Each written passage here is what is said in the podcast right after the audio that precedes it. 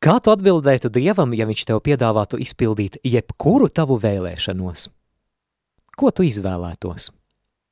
Šodien raidījumā iepazīsim pirmo ķēniņu grāmatu vecajā derībā, kurā atbilde uz šādu jautājumu ir jādod kādam ievērojamam bībeles varonim.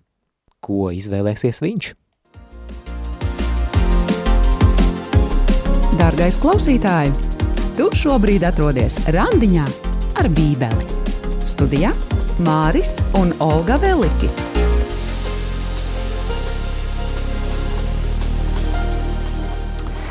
Šodien mēs uh, lasīsim, uh, mēs runāsim par pirmo ķēniņa grāmatu, kas ir turpinājums pirmajai un otrajai Samuela grāmatai.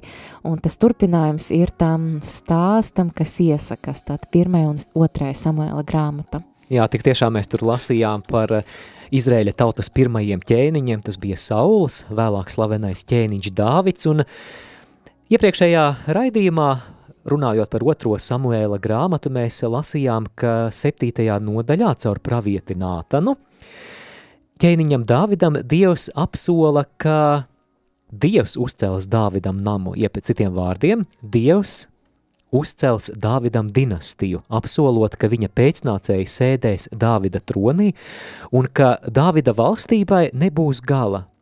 Un eh, jau izsenis šis teksts ir ticis interpretēts kā apsolījums par ķēniņu, par mesijānisko ķēniņu, kuram ir jānāk, lai atjaunotu šeit virs zemes dieva kārtību.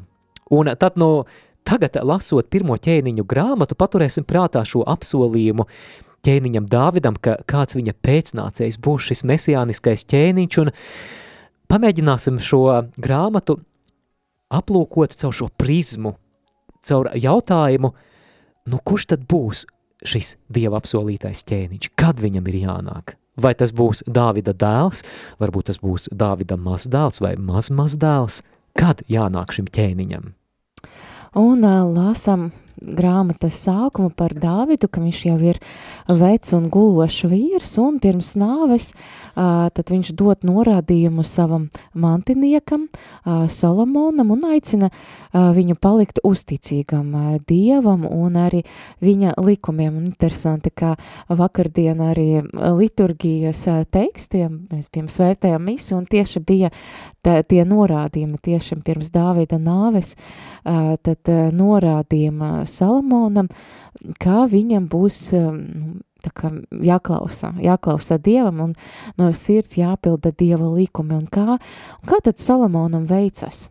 Jā, patiešām, kā tad Salamonam veicas? Vai Salamons būs tas Dāvidam apsolītais ķēniņš mesija, kas nāks no viņa pēcnācējiem?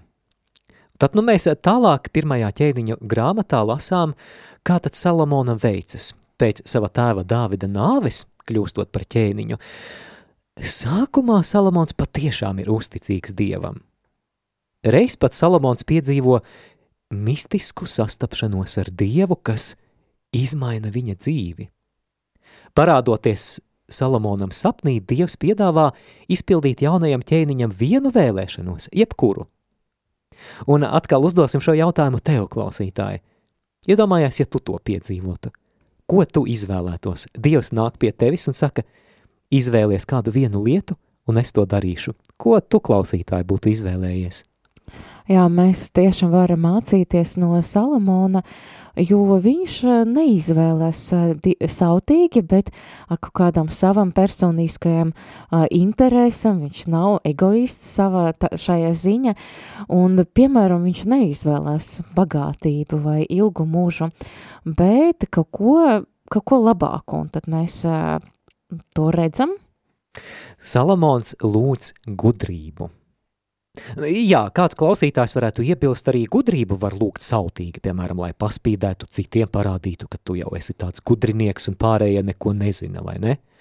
Vai, piemēram, lūgt gudrību, lai uzvarētu visos iespējamos erudīcijas konkursos.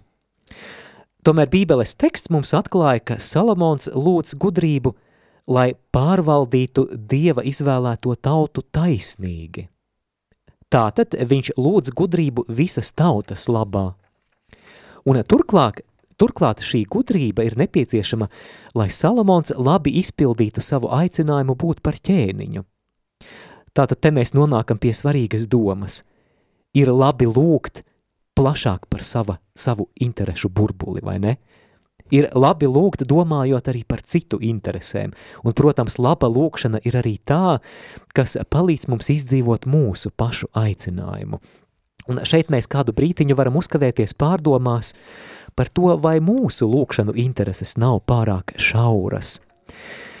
Protams, ir labi lūgt par saviem nodomiem, labi ir lūgt par savu un savu tuvinieku veselību, ir labi lūgt, lai Dievs atrisina mūsu pašu personiskās vajadzības, Bet, ja mēs lasām svētos rakstus, mēs redzam eh, vairākas rakstu vietas, tagad nebūs laika iedziļināties mhm. visās, kas aicina mūs palūkoties plašāk mūsu lūkšanu dzīvē un ieraudzīt arī tās sfēras, par kurām mēs varam lūgt, kas varbūt pirmajā brīdī šķiet, ka tieši mūs neskar. Piemēram, svētajos rakstos ir aicinājums lūgt par ķēniņiem, par tiem, kam ir vara, par valdniekiem, Un uh, arī šovakar, ja tu klausies šo raidījumu tiešraidē, Radio Marija ēterā būs jau kārtējā lūkšanu nakts par Latviju, kas, manuprāt, ir viens no, viena no iespējām iziet ārpus tā sava šaurā lūkšanu burbuļa, kad mēs lūdzam par sava kaķīša veselību un par to, lai mums... Mm, kas arī nav ne, slikti. Kas arī nav slikti, un par to ir jālūdz, jā, bet, bet palūkoties plašāk un un apzināties arī savu lūkšanu atbildību, savu garīgo atbildību daudz plašākā mērogā, un šajā vakarā un šajā naktī mēs to darīsim par Latviju. Jā, varbūt Salamans arī saprata, ka, nu, viņš pats nevarēs valdīt par tautu un ka tas ir tāds ļoti liels aicinājums un pienākums un kaut kas tāds, ko viņš tiešām nevarēja pats varbūt izdarīt un viņam bija vajadzīga tā nu, tiešām dieva palīdzība, es domāju. Un, bet, Viņš eh, kaut kādā ziņā apzinās eh, tas, ko nabadzība, Jēzus jā. vēlāk raksturoja Kalnas prediķī sveitīgi garā nabagie. Salamons saprot, ka bez dieva un bez viņa gudrības viņš nespēs labi pildīt savu aicinājumu. Māris, vai izdrīkstu pateikt kādu liecību? jā. Priecāšos. Jā, priecāšos, arī priecāšos.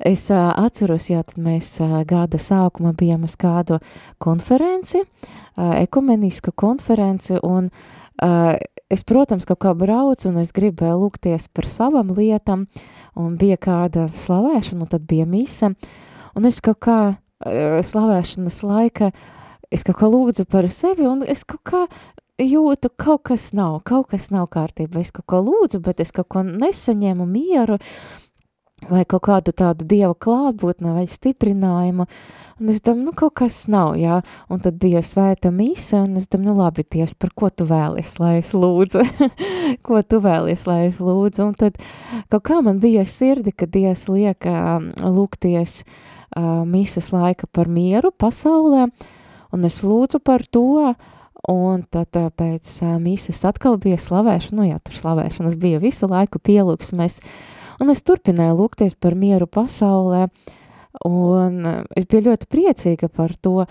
Un tad beigu beigas es kaut kā sadzirdēju to, nu nevis sadzirdēju tā varbūt audiāli vai kā, bet sava sirdi, ka Dievs saka, ka Olga, bet man arī ir labi plāni par tavu dzīvi. Un Dievs saka mani kaut kā mm. runāt personiski, un es saņēmu tādu mieru un Dieva tādu klātbūtnes tādu uh, sajūtu, uh, un, un saņemu arī sev, jā, bet tad, kad wow. bija, es biju atvērta, nu, lūgties tā, kā Dievs vēlas, lai es lūdzu. Cik skaisti, re, kā, tad, kad mēs lūdzam par citiem, tad, kad mēs lūdzam plašāk, tas neatņem mums pašiem, tas nenodara skādi jā, mums pašiem. Tā. Un beigās es uh, saņēmu tādu stiprinājumu un tādu, nu, tādu arī vārdu, tādu pērli uh, no Dieva par to, savu personīsku, jā, bet, nu, jā, tas bija tā liriska atkāpe, un, jā, mēs runājam par Salamonu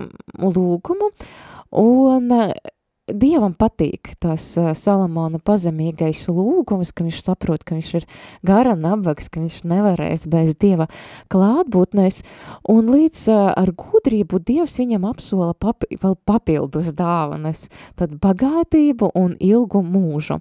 Tad mēs uh, lāsam no pirmā ķēniņa grāmatas, tad no trešas nodaļas, no 11. līdz 13. pantam. Un tas kungs viņam atbildēja: Tāpēc, ka tu esi izlūdzies sev šo lietu, bet neesi lūdzis sev garu mūžu, nec bagātību, nec nāvi taviem ienaidniekiem, bet esi gan lūdzis, kā izprast taisnību un kā tai paklausīt. Tad es tev došu, kā tu esi vēlējies. Redzi, es tev dodu gudru sirdi un tik saprātīgu, ka tāds, kāds tu esi, Nav vēl neviens cilvēks bijis priekš tevis, un tev līdzīgs necelsies arī pēc tevis.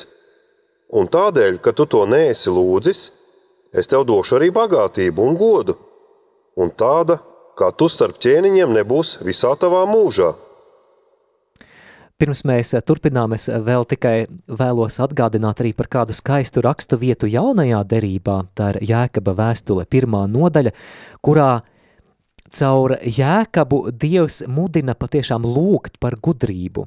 Ja tev trūkst gudrības, tad lūdz, un Dievs, kurš dāvā bez jebkādiem pārmetumiem, to dāvās. Tā ka varbūt arī kāds no mums šajā brīdī ir tajā pozīcijā, ka tu saproti, ka tev ir vajadzīga gudrība. Lūdz, Dievs apsola atbildēt.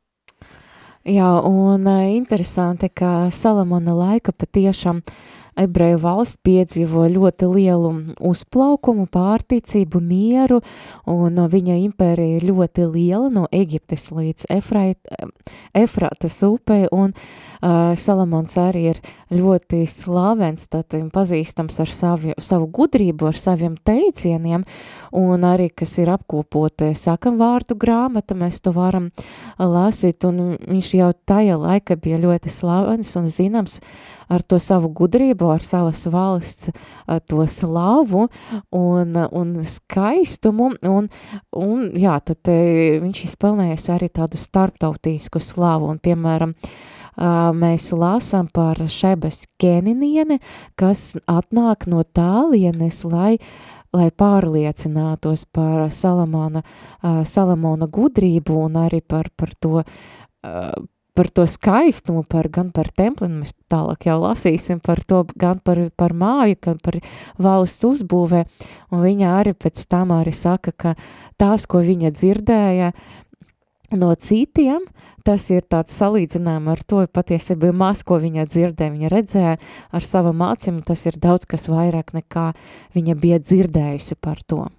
Jā, Olga, tu jau pieminēji Jeruzalemes templi, un patiešām Salomons ir ievērojams ne tikai ar savu bagātību un gudrību, bet viņa valdīšanas laikā tiek īstenots ļoti svarīgs projekts.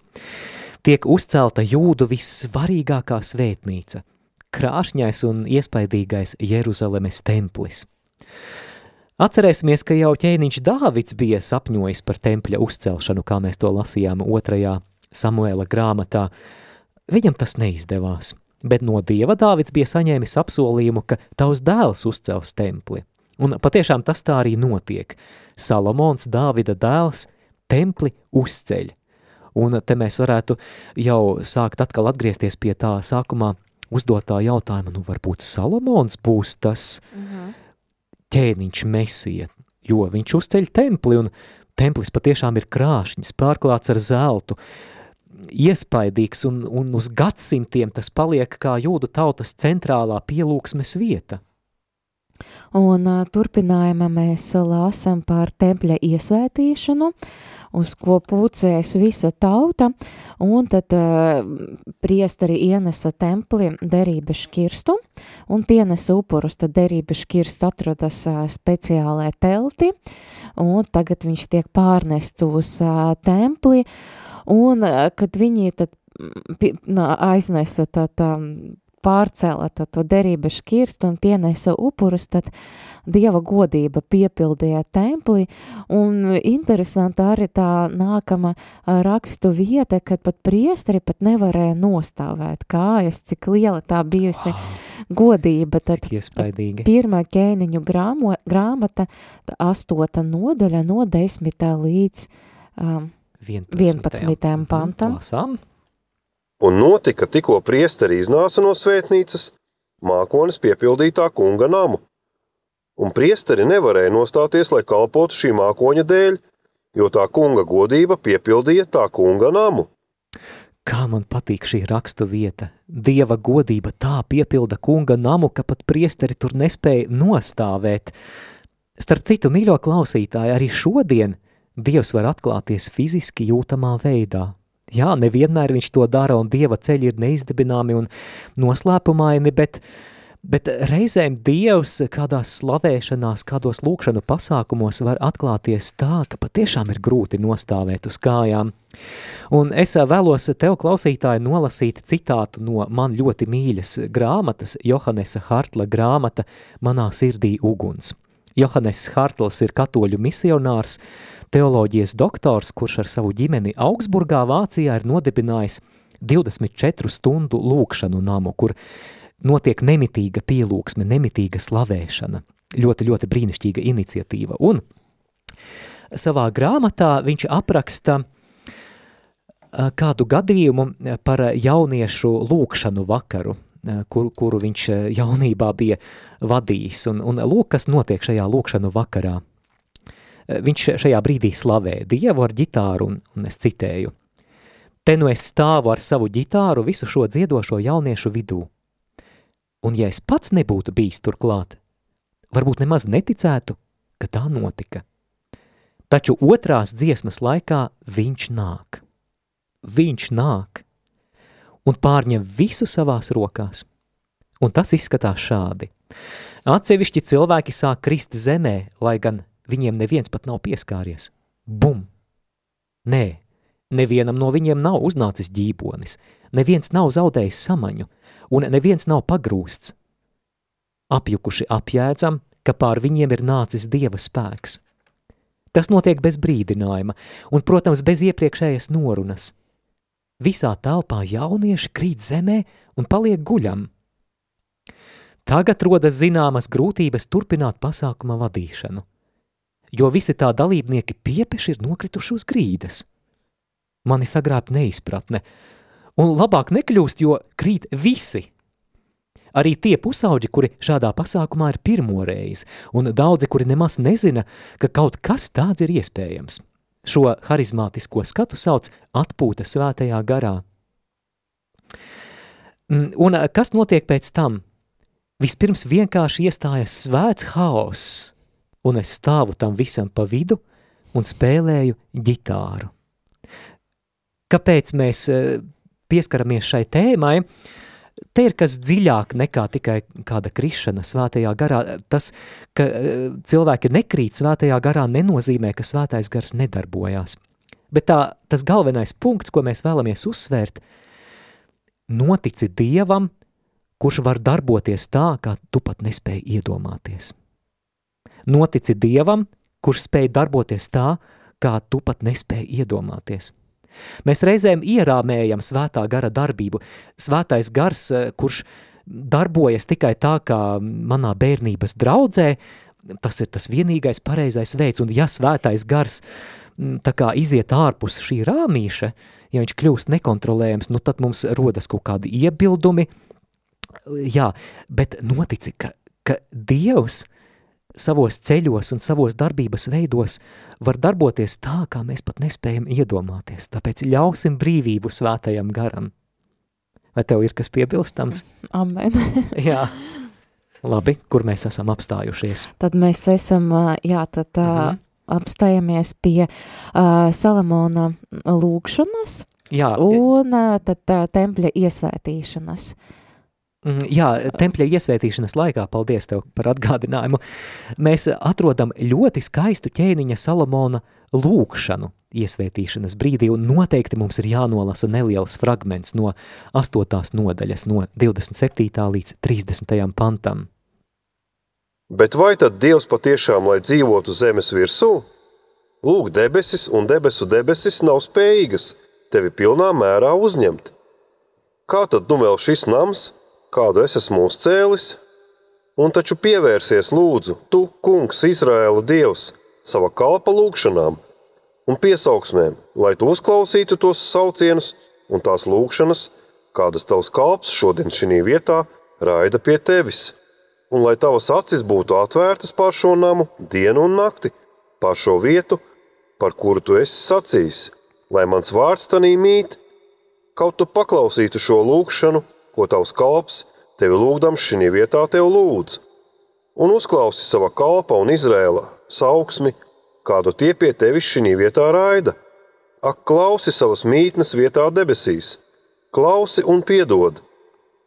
Jā, tā ir eh, Salamona lūkšana Dievu, un man patīk arī, ka nu, viņš arī viņš apzinās to, ka nu, patiesība Dievam nevajag to māju vietu, ka die, Dievs ir pāri visam, un viņam uh, viņam pat, eh, nu, viņš rādīja visu kosmosu, jā. vai tad viņš dzīvos, jā, tad māja, bet viņš arī apzinās, ka Dievs ir pretim nākoši, jā, ka tomēr cilvēkam ir vajadzīga šī vieta, un arī lūdz, lai tas lūkšanas šajā nāma tiek, tiek uzklausītas, un Dievs patiešām iemājo šajā templī, tad tā, viņa klātbūtne ir tik jūtama, ka pat priesteri krīt un nevar nostāvēt kājas, bet vai šī Dieva klātbūtne būs kaut kāda tā kā garantija, ka tā ir garantēta visu vietu, vai tā tauta tagad varēs atslāpt? Nē. Tekstā jau 9. nodaļā ieskanas kāds brīdinājums. Dievs parādās Salamonam un apsola mājot templī tik ilgi, kamēr Salamons un izrēlieši paklausīs Dieva likumiem. Savukārt, ja tauta novērsīsies, Dievs atņems savu klātbūtni no tempļa, un gan templis, gan tauta piedzīvos postu. Un šeit jau ieskanās tāda nelaba nojausma par to, kas varētu notikt nākotnē. Jā, un uh, turpinājumā mēs uh, lasam par to, ka kā patiesība Izrēļa tautai, arī otrē ķēni, ķēniņu grāmatā, eh, kā Izrēļu tautai tad veicas ar šo uzticību Dievam un ar šo baušļu pildīšanu, un, eh, jo viņi jau esot derībā ar Dievu, bet vai viņi būs šai derībai paklausīgi. Un pirma bedīga ziņa jau par pašu ķēniņu Salomonu, uh, uh, kura valdīšanas iesaukums ir tik iespaidīgs, tad viņam atklājas Dievs, Dievs daudz ko viņam apsola, tempļa iesvētīšana, Dieva klātbūtne, bet um, arī Salamons uh, tomēr uh, izrādās līdz galam nav uzticīgs Dievams, un viņa lejupslīde var, var tā teikt sākas ar to, ka nu, viņš pirmam kārtam aprec ļoti daudz sievu, ļoti, ļoti daudz sievu. Tik daudz, ka es uh, pat nezinu, vai viņš visām vārdus atcerējās no galvas. Nu, iedomājieties, jā. Un pie tām no pagānu tautām, un uh, tam sievam jau bija uh, savi beidiņas dievi un elki, un tā sieva sagroza viņam prātu, un uh, pats Salamāns beigu beigas viņš sāka celt altārus svešiem dieviem. Un kas tad bija noticis ar Salomonu? Sākums taču bija tik labs.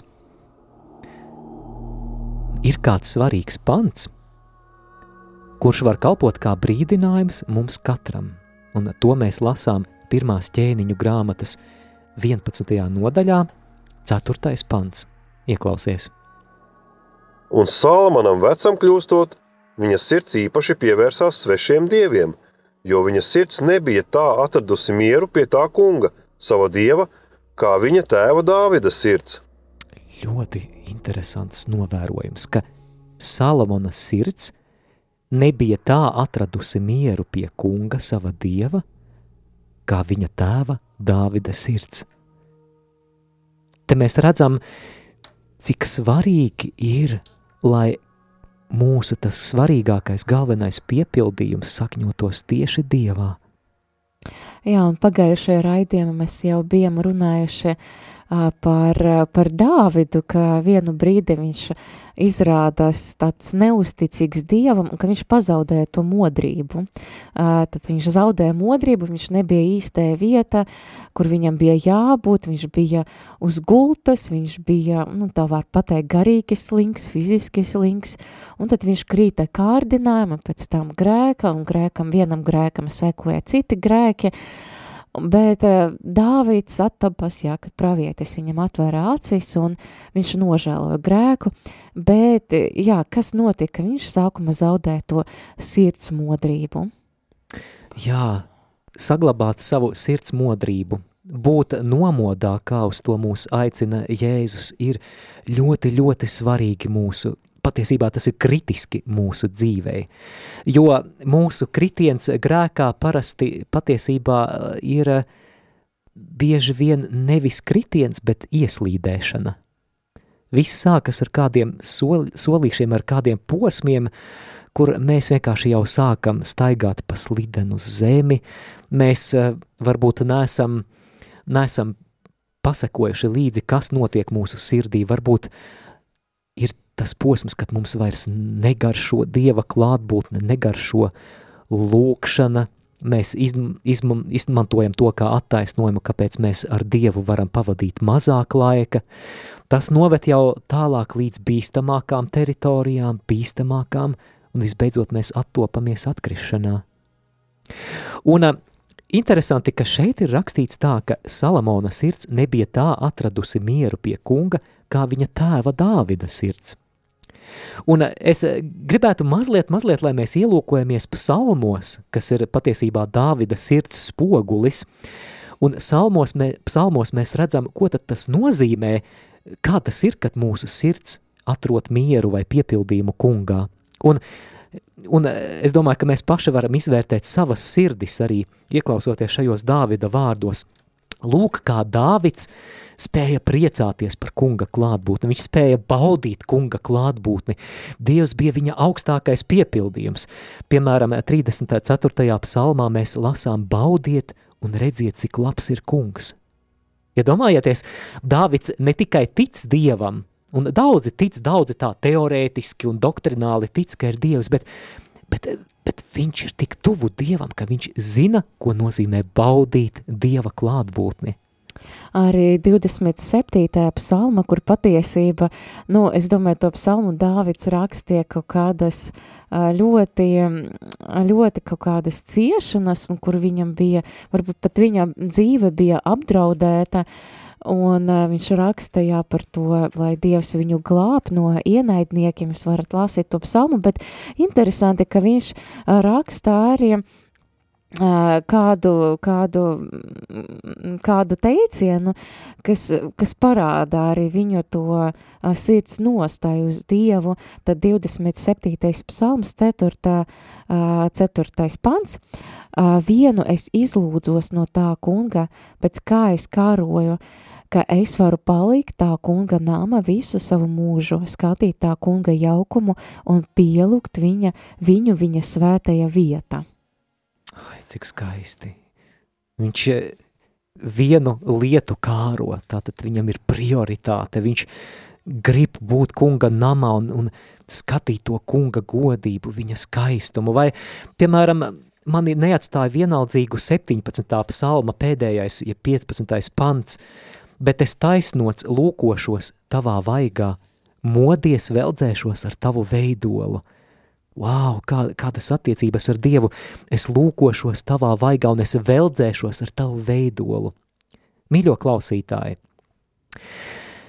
ja tu jūti, ka tu nezini, par ko ir runa, kā tas ir baudīt un redzēt, cik labs ir kungs, vai varbūt tu, tu esi pazaudējis šo, šo attiecību līmeni, ka, ka tu zini, ko nozīmē veldzēties ar Dievu, ka tu zini, ka viņš atveldzē tavu dvēseli, pavadīsim īsu brītiņu tagad lūkšanā un lūksim, lai Dievs ļauj mums e, iepazīt viņu tik ļoti un tuvoties viņam tik ļoti, ka, ka mēs viņu piedzīvojam, ka mēs viņu pieredzam, ka, e, ka, ka mēs esam tādi kā mistiķi, kā baznīcā teica, kuriem ir šī dieva pieredze, un, un kuru vislielākais, visaugstākais dzīves piepildījums, visaugstākais mērķis, tas, kurš ir lielākā laime, prieks, lielākais lepnums, ka tas ir Dievs. Lūksimies. Slava Tev, Dievs! Mēs Tev pateicamies, kungs, ka Tu esi Dievs, kurš nāc mūsu vidū gluži kā Jeruzalemes templī, kad tas tika iesvētīts. Ka Tu, Dievs, kurš, kuram nav jāmājo rokām celtos mājokļos un tempļos, Tu, kam pieder visas debesis un debesu debesis, ka Tu esi Dievs, kurš izvēlies nonākt pie mums pats, un ka mēs varam Tevi satikt. Un šajā brīdī mēs lūdzam paši par sevi, un mēs īpaši lūdzam par radio klausītājiem. Ļauj mums nogaršot to. Ļauj mums nogaršot tavu klātbūtni, lai nekas, nekas šajā pasaulē, nekāda šīs pasaules vērtības, nekāda šīs pasaules baudas nespēja aizēnot to, ka mēs esam piedzīvojuši, ka jā, Dievs ir neko nesalīdzināms – Dievs ir vis, visvērtīgākais. Nāc svētais gars. Jā, nāc svētais gars, mēs lūdzam par katru klausītāju šobrīd un kas klausīsies šo atkārtojumu, kas Dievs ļauj katram izbaudīt tavu klātbūtni, tā ka tu vēlies to parādīt katram cilvēkam, kungs Dievs, jo katrs mēs esam individuāls, ar katru to runā individuālajā valodā, bet ļauj katram tevi iepazīt, satikt tevi gan lūkšanā, gan caur svēto rakstu lasīšanu, kas ties dāvā to žēlastību Jēzus Kristus vārdā. Egal wohin ich mich verlauf, deine Liebe gibt nicht auf und du trägst mich, ja du trägst mich. Wenn meine Sorge, meine Last mich wie Finsternis umfasst, du bleibst bei mir, immer bei mir. Du bist so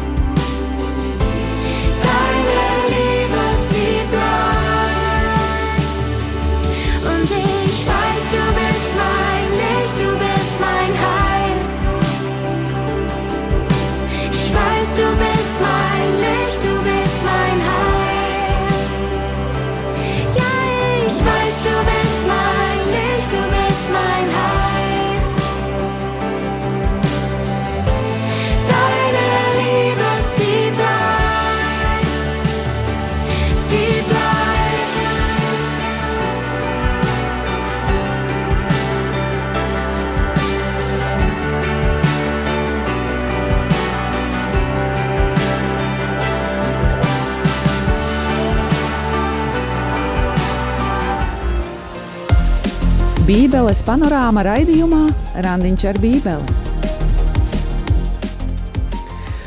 Turpinām lasīt pirmo ķēniņu grāmatu un atgriežamies pie tā svarīgā jautājuma, caur kura prizmu mēs lūkojamies uz šo grāmatu. Kad tad ir jānāk tam Dāvidam apsolītajam ķēniņam mesijam? Vai tas būs viņa dēls Salamons? Kaut kādā ziņā viņš piepilda to apsolījumu, viņš uzceļ templi, bet mēs redzam, ka Salamons piedzīvo kritienu. Tā ka Salamona kandidatūru mēs izsvītrojam. Caur savu elgdievību Salamons arī pats piedzīvo un vēlāk viņa valstība piedzīvo rūktas sekas. Jau Salamona dzīves laikā Dievs viņam atklāja, ka viņa valsts tiks sadalīta. Un tas notiek viņa dēla Rehabeāma valdīšanas laikā.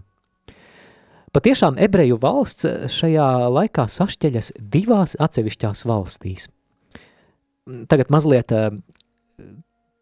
tāda vēsturiskā un geogrāfiskā atkāpe ļoti svarīga arī turpmāk bībelē, bībele lasot, tas parādīsies, ka tagad būs divas ebreju valstis.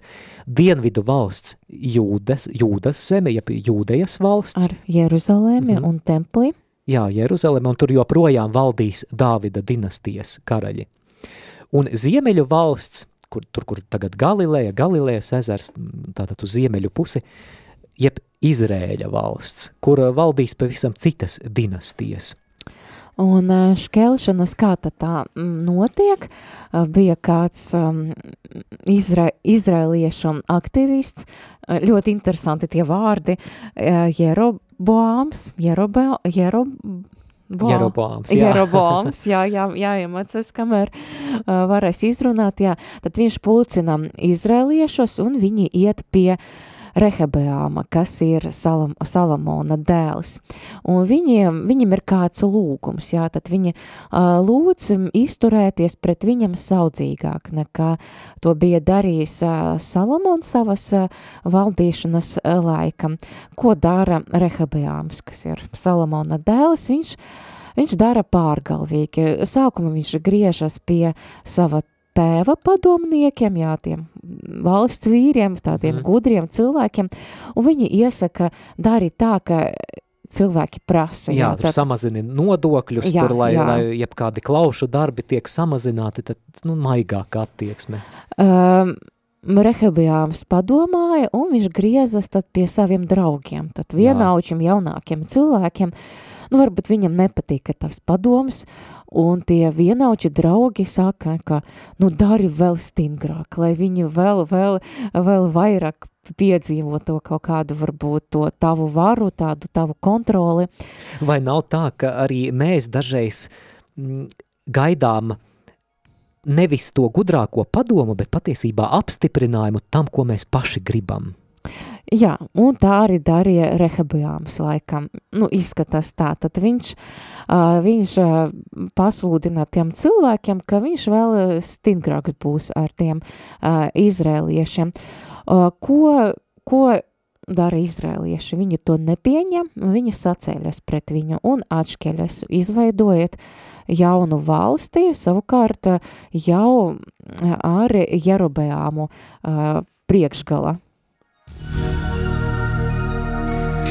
Parunāsim par to, kāda tad ir garīgā dzīve šajās abās valstīs. Tātad tagad ir divas valstis, Ziemeļu valstī, jeb Izrēļa karaļa valstī garīgā dzīve iet pilnīgā, pilnīgā lejupslīdē. Uzreiz gandrīz, jā. Jā, jo tās ķēniņš Jerobeāms, Jeroboāms uzceļ svētnīcas nevis Ābrahama, Īzaka un Jēkaba dievam, bet iedomājieties zelta teļiem, divas svētnīcas zelta teļiem, un tiem sāk kalpot arī levītu priesteri, kas agrāk bija uzticīgi dievam. Nu varētu domāt, ka dienvidu valstī Jūdejā ir labāka garīgās dzīves situācija, jo tur taču galu galā ir svētā pilsēta Jeruzaleme, tur ir Jeruzalemes templis, šī dieva mājoklis, šis dieva mājoklis zemes virsū, bet nē. Arī ķēniņš Rehabeāms, Salamona dēls, sāk celt altārus un svētnīcas elkiem Jūdejā, pat atļaujot vīriešu un sieviešu reliģisko prostitūciju šajās svētnīcās, tā ka arī Rehabeāmu mēs varam izsvītrot no mesijas kandidātu saraksta. Jā, un starp citu arī, ka divas tau, nu, di, viena tauta tāda, un bet sadalīta divas valstis, bet arī attiecības starp tam tautam nav oh, jā. labas un sākas cīņas, jā, sava starpa, un kaut kādi nemitīgi, varbūt kaut kādi pat kari vai kaut, kaut kādas tādas lietas, Un pēc Rehabijāma un Jerobejāma nāves mēs lāsam arī par nākamajam ķēniņam katra valsti un interesanti, ka um, katram ķēniņam tad pēc uh, viņa valdīšanas laikā arī bija dots tad, ka uh, šeit ķēniņu grāmata, pirmā ķēniņu grāmata tāds novērtējums, vai viņš darīja labu vai ļaunu kungācijas. Un kāda tad ir šī bilance? Tad, kad mēs lasām par Izrēļa valsti, tātad par Ziemeļu nu, karaļu valsti, nu tur pavisam bēdīgi, tur nav neviena laba ķēniņa, tur katrs vēl ved valsti vēl dziļāk un dziļāk elgadievībā. Par jūdejas valsti, jeb dienvidu valsti situācija nav spoža, bet mazliet labāka, jo starp daudziem elgdievību veicinošiem ķēniņiem tur daži ir arī normāli vai labi ķēniņi, kuri cenšas atgriezties pie kalpošanas vienīgajam dievam. Mums šeit nav laika runāt par katru no ķēniņiem, bet ir jāpiemina kāds ļoti spilgts antivaronis. Ziemeļu valsts Izrēļa ķēniņš Ahabs. Ahabs ir teju vai kā lamu vārds vecajā derībā. Jo līdz šim viņš ir visļaunākais Izrēlas eh, ziemeļu valsts ķēniņš, jo, jo viņš izplata dievekļa bāla kultu. Un ļoti ļauna ir arī viņa sieva Jezebele, kas vajā dieva praviešus. Jā, un uh, vislavenākais uh, dieva pravietis arī šajā laika Izrēlē ir Elīs, un viņš uh, vēršas pret Ahābu un pret Bāla kultu, pret Jezabeli, un viņš uh, tautai uh, arī sludina par Dievu, un viņš tautu aicina atgriezties, vai nu kalpot vai nu Dievam, vai nu bālam. Un ir kāds tāds arī spilgts, um, spilgta epizode par to, ka Elīs pravietis Elīs izaicina bāla priesta, priestarus, kuri bija vairākie uh, simti, es nemaldos, jā, lai noskaidrotu, kurš patiesība ir tas īstais Dievs, jā, un viņš aicina tad viņus uzcelt, celtam uh, altāri tā, no, no akmeņiem tad savam dievam bālam, un viņš uzcela pats altāri, un tad viņš aicināja pārbaudīt, kurš tad īstais dievs visas tautas priekšā, tad kurš, ja Dievs aizdedzinās to upuri uz tā altāra, tad Dievs tas Dievs ir īstais, jā, un tad sākumā tad tā bāla priesteri mēģina tad bālu izsaukt un aicināt viņu aizdedzināt, viņi pat sakropļo sevi, tad dur sev rokas, kaut kādus nažus, asus priekšmetus, bet nekas viņam nesanāk, un savukārt, kad Elīs lūdza, un tad Un tad Dievs pārņem tad altāri ar liesmam un tādējādi arī parādīja, kurš ir īstais Dievs. Lasā fragmentu no 18. nodaļas. Un tanī brīdī, kad dāvinājumu upuri mēdz nest, pravietis Elī piegāja un sacīja: Kungs Ābrahāma, Īzāka un Izrēla Dievs, šodien dari sevi zināmu, ka tu esi Dievs Izrēlā un ka es esmu tavs kalps – un ka es pēc tavu vārda visu šo esmu darījis. Atbildi man, kungs, atbildi man, lai šī tauta zina, ka tu, kungs, esi Dievs, un ka tu pats viņu sirdīm esi licis atgriezties. Tad tā kunga uguns nokrita, un tā aprie gan dedzināmo upuri, gan malku, gan akmeņus, gan pelnus, gan ūdeni. Tā uzsūca, kas bija grāvī. Jā, lūk šī sacensība starp dievu un bālu. Un caur šo izaicinājumu pravietis Elīs aicina nostāties, kurā pusē tad, tad jūs būsiet. Un vēlreiz es domāju, atgriežoties, piemēram, pie lūkšanu nakts par Latviju, Latvija arī ir kaut kādā ziņā tādās krustcelēs, vai mēs būsim ar Dievu, vai mēs izvēlēsimies citus ceļus. Tāpēc aicinām piedalīties šajā un citās lūkšanu naktīs par Latviju, lai apliecinātu, ka mēs izvēlamies Jēzu Kristu. Bet atgriežoties pie stāsta par pravieti Eliju, viņš tik drosmīgi nostājas pret eh, elgdievību un, eh, protams, ka izpelnās opozīciju. Viņam neiet viegli. viņš par to tiek vajāts un spiests slēpties tuksnesī. Bet tur viņš piedzīvo pārdabisku satikšanos ar Dievu. Ieklausīsimies 19. Nodaļā no 11. panta. Un redzi, tas kungs gāja garām, liela un spēcīga vētra, kas sašķir kalnus un sadrupina klintis, gāja tam kungam pa priekšu, bet šī vētrā nebija tas kungs.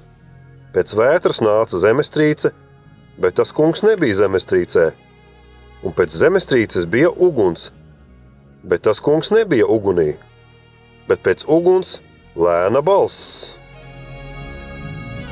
Interesanti, ka Elīs piedzīvo dieva klātbūtni nevis kādās ārkārtējās parādībās. Dieva nebija ugunī, dieva nebija zemestrīcē, bet dievs bija klusumā. Elīs sadzird klusu, lēnu dieva balsi. Bieži vien šī skaistā rakstu vieta tiek citēta, kad tiek runāts par klusuma nozīmi garīgajā dzīvē, ka Dievu var īpaši piedzīvot klusajā, ja piekšējā lūkšanā, un mums katoliskajā baznīcā tas ir ļoti, ļoti liels dārgums, kas patiešām ir tāda garīgās dzīves bagātība, šī iekšējā dzīve, klusums, klusuma nozīme, ko noteikti ir vērts aktualizēt arī šodien, kad uh, Mm, kad mēs dzīvojam eh, ļoti trokšņainā vidē, mums viss skan, mums rokās ir telefons, nemitīgi ņirp kaut kādas bildes, un, un varbūt, ka tieši tas klusums, kuru mēs izcīnām savā ikdienā, kuram mēs tiecamies izbrīvēt laiku, ir tas brīdis, kad tu piedzīvo to Dieva klātbūtni, kas var atklāties ļoti maigi –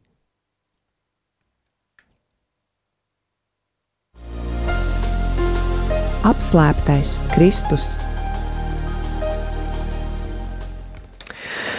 Šajā sadaļā mēs eh, palūkosimies to, kādi jaunās derības priekštēli ir atrodami pirmajā ķēniņu grāmatā, un vispirms mēs pievērsīsimies Jeruzalemes tempļa tēmai. Templis Jeruzalemē, ko uzbūvē Salamons, templis, kur mājo Dieva gars, tas ir simbols ar ļoti, ļoti plašu nozīmi – jo Jeruzalemes templis ir priekštēls pat vairākām lietām jaunajā derībā.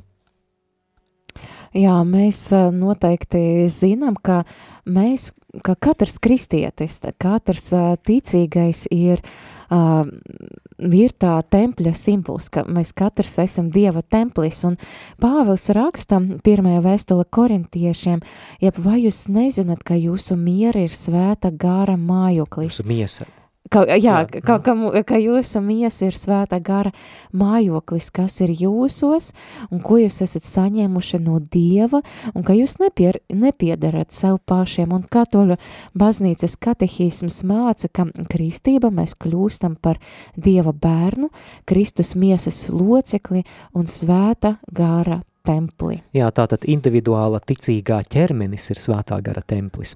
Otrakārt, jaunajā derībā – Jeruzalemes templis ir arī baznīcas kā ticīgo kopienas simbols.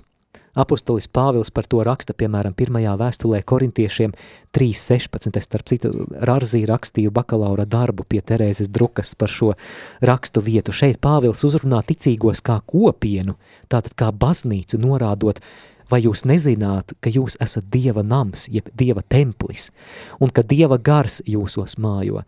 Tātad Dieva gars īpaši kā templī mājo nevien individuālajā ticīgajā, bet arī ticīgo sadraudzībā, baznīca kā svētā gara templis.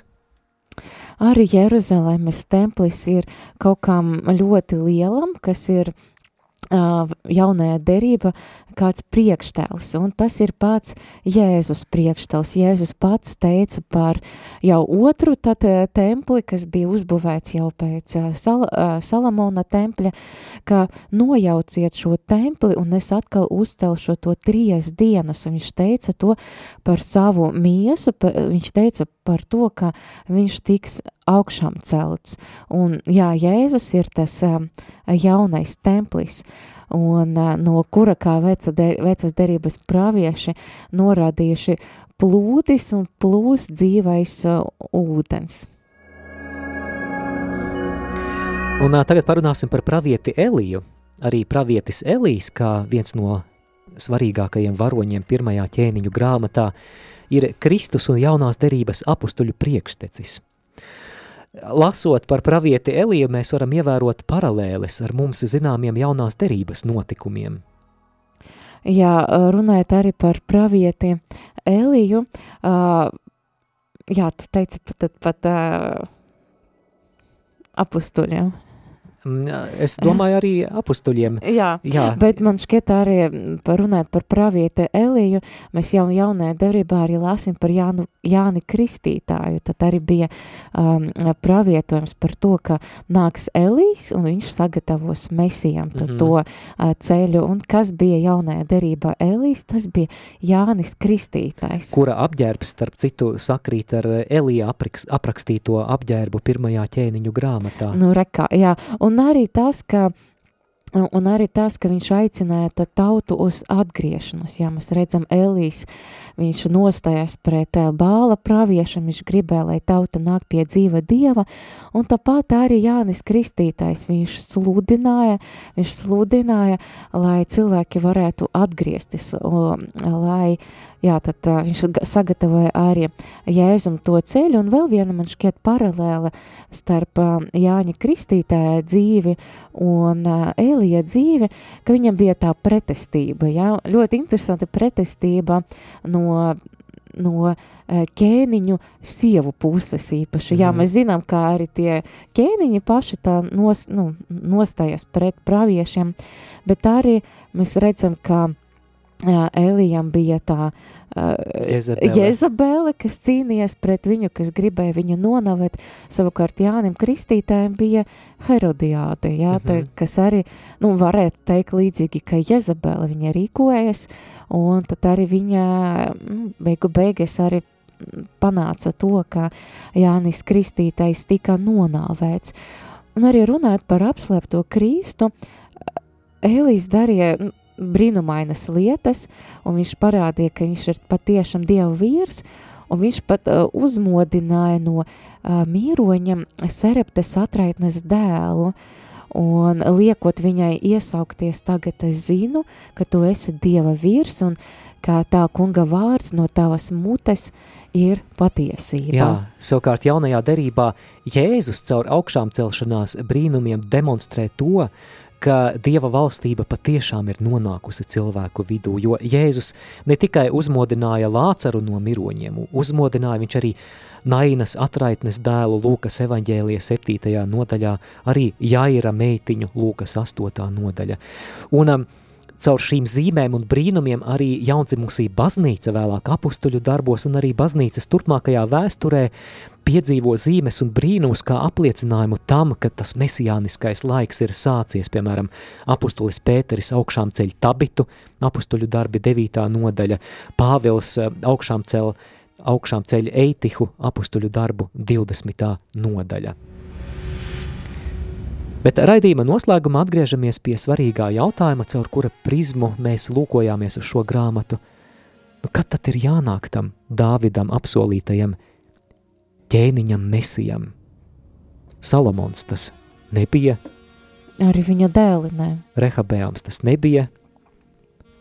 Tālākajiem ķēniņiem arī katram savi trūkumi, Jā, un eh, beigu beigas mēs nonākam līdz tam, ka tas Dāvidam dotais solījums par ķēniņu mesiju piepildīsies nevis vecajā derība, bet tas piepildas jaunajā derība, un tas ir Jēzus Kristus. Jā, tas ir Jēzus Kristus, kungu kungs un ķēniņu ķēniņš. Tas, par kuru eņģelis Gabriels teica, ka viņa valstībai nebūs gala. Jēzus, kurš ir atnācis kā ķēniņš, kuram pieder visa vara debesīs un virs zemes. Viņš ir ķēniņš, viņš ir debesu valstības ķēniņš, kurš ir nācis, lai šeit pasaulē atjaunotu grēka un ļaunā gara izpostīto dieva kārtību. Mīļo klausītāji, šajā brīdī mēs raidījumu noslēdzam, un mēs no sirds aicinām apzināties to, ka Raidījums Randiņš ar bībeli, gluži kā uztura bagātinātājs, neaizstāja pilnvērtīgu uzturu, neaizstāja tavus privātos randiņus ar bībeli. ņem svētos rakstus savās rokās, lasi, ja nesaproti, lūdz Dievam palīdzēt, meklē kādus komentārus, lasi, lūdz kaut vai par indiņai dienā, lasi psalmus, lasi jauno derību un lūdz Dievu, lai viņš caur Dieva vārda lasīšanu palīdz tev viņu vairāk iepazīt. Ar šo novēlējumu mēs arī šoreiz atvadāmies. Šeit studijā bijām mēs Māris Veliks un Olga Velika. Jūs klausījāties raidījumu Randiņš ar Bībeli. Savas atsauksmes, ieteikumus un jautājumus sūtiet uz e-pastu Randiņš ar Bībeli at gmail.com. Iepriekšējās raidījuma epizodes var atrast arhīvā.